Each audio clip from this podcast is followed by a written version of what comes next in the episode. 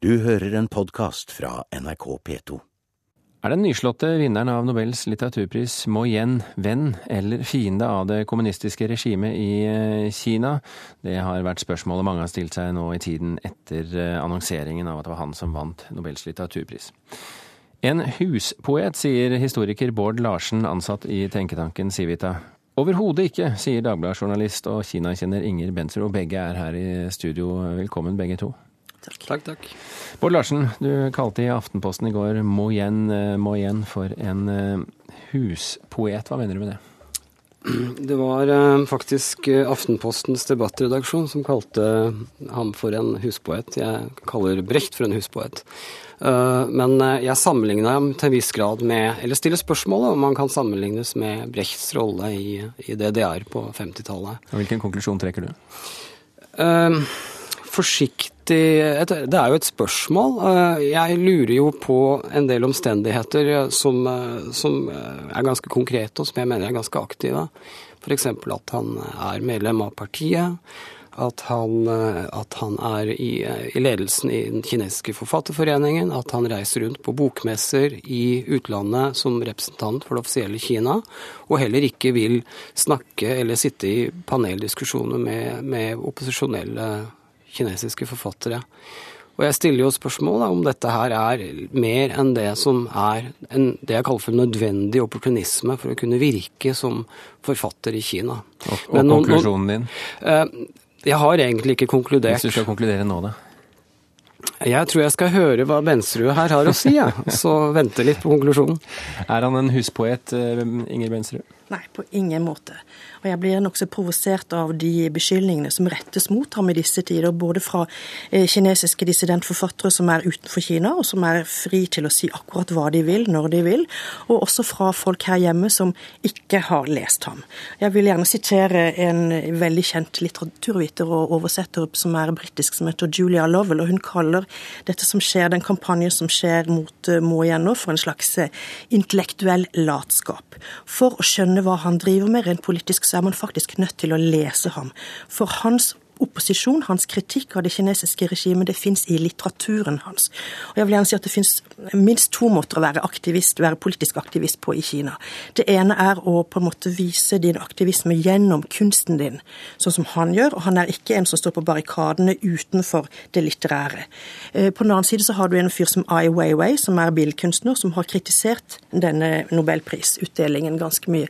Ai Weiwei lager overhodet ikke politisk kunst i det hele tatt. Han lager stoler som han stiller sammen, og kinesiske krukker som han slipper i gulvet. Men han er aktivist på fritiden, så å si. Han er politisk aktivist på ved siden av det å være kunstner. Og det er to forskjellige roller. Og jeg syns ikke Mo Jens rolle er noe mer puddel for myndighetene enn noen annens.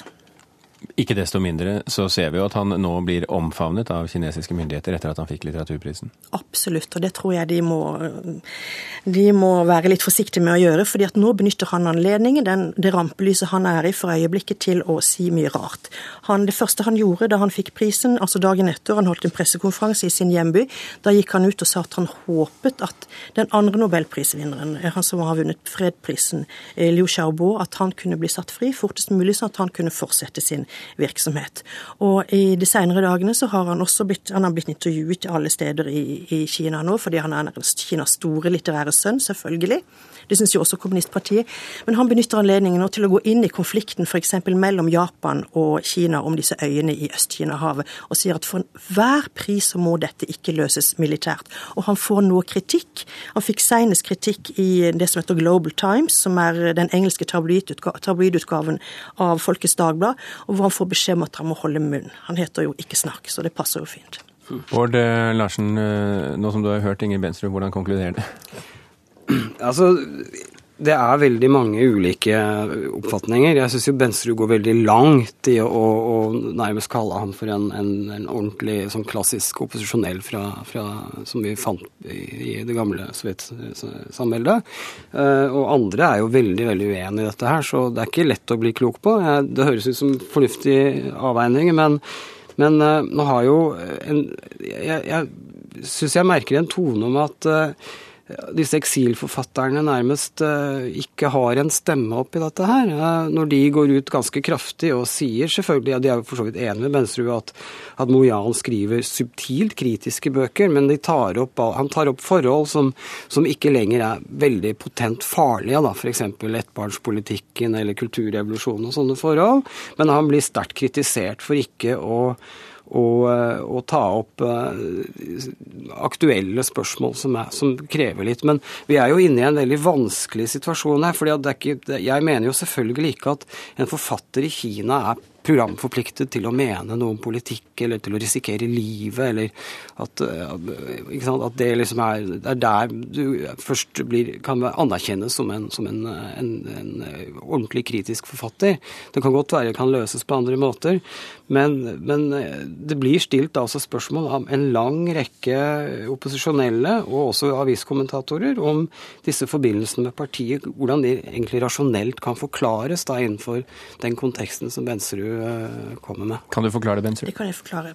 Det finnes noen som er dissidenter og velger å bo i utlandet, sånn som Ma Jen og en del andre forfattere, som skriver utenfra og uttaler seg utenfra. Bruker sin plattform til å kritisere de kinesiske myndighetene. Og så finnes det en rekke forfattere som opererer innenfor Kina. Og det er ganske dyktige forfattere, og forfattere som også er veldig kritiske til myndighetene. Det kalles at de opererer i en gråsone. De skriver på en måte sånn at de hele tiden skal finnes under radaren til sensuren. Det skjer ikke hele tiden. Det, det Bøkene deres blir stanset, og det har også skjedd flere ganger med Mo Jens bøker. Hans bøker blir også stanset av sensuren. Og, Men er dette da egentlig bare et, et, spørsmål om strategi? Altså være inne og, og, kritisere litt soft, men med effekt, eller stå utenfra og skrike? Det kommer an på hvilket publikum man vil nå. Hvis du vil nå kinesere, så er det vel kanskje greiest å jobbe innenfra, sånn som Mo Yen gjør. Altså, disse som står utenfor og skriker, de når ikke inn i Kina. Kineserne kjenner dem ikke. Ser du dette poenget, Larsen? Jeg ser poenget, men jeg, jo, altså, jeg kan ikke ta Bensruds ord for den absolutte sannhet her. Så jeg stiller meg åpen for at det finnes andre måter å, å se hans rolle på. Men må man, må man være uvenn med regimet for å være en god kritiker? Nei, det må, det kan ikke jeg svare på. Det er for vanskelig å si absolutt ja eller nei på det. Eh, det, det, det må man antagelig ikke, nei. Skal vi konkludere med at eh, kanskje er han ingen huspoet, men han er i hvert fall ingen husdyr, han heller? Han er i hvert fall en god forfatter, og han har fått eh, Nobels litteraturpris, ikke Nobels dissidentpris. vi konkluderer der, Inger Bensrud og Bård Larsen. Tusen hjertelig takk for at dere kom til Kulturnytt. Du har hørt en podkast fra NRK P2.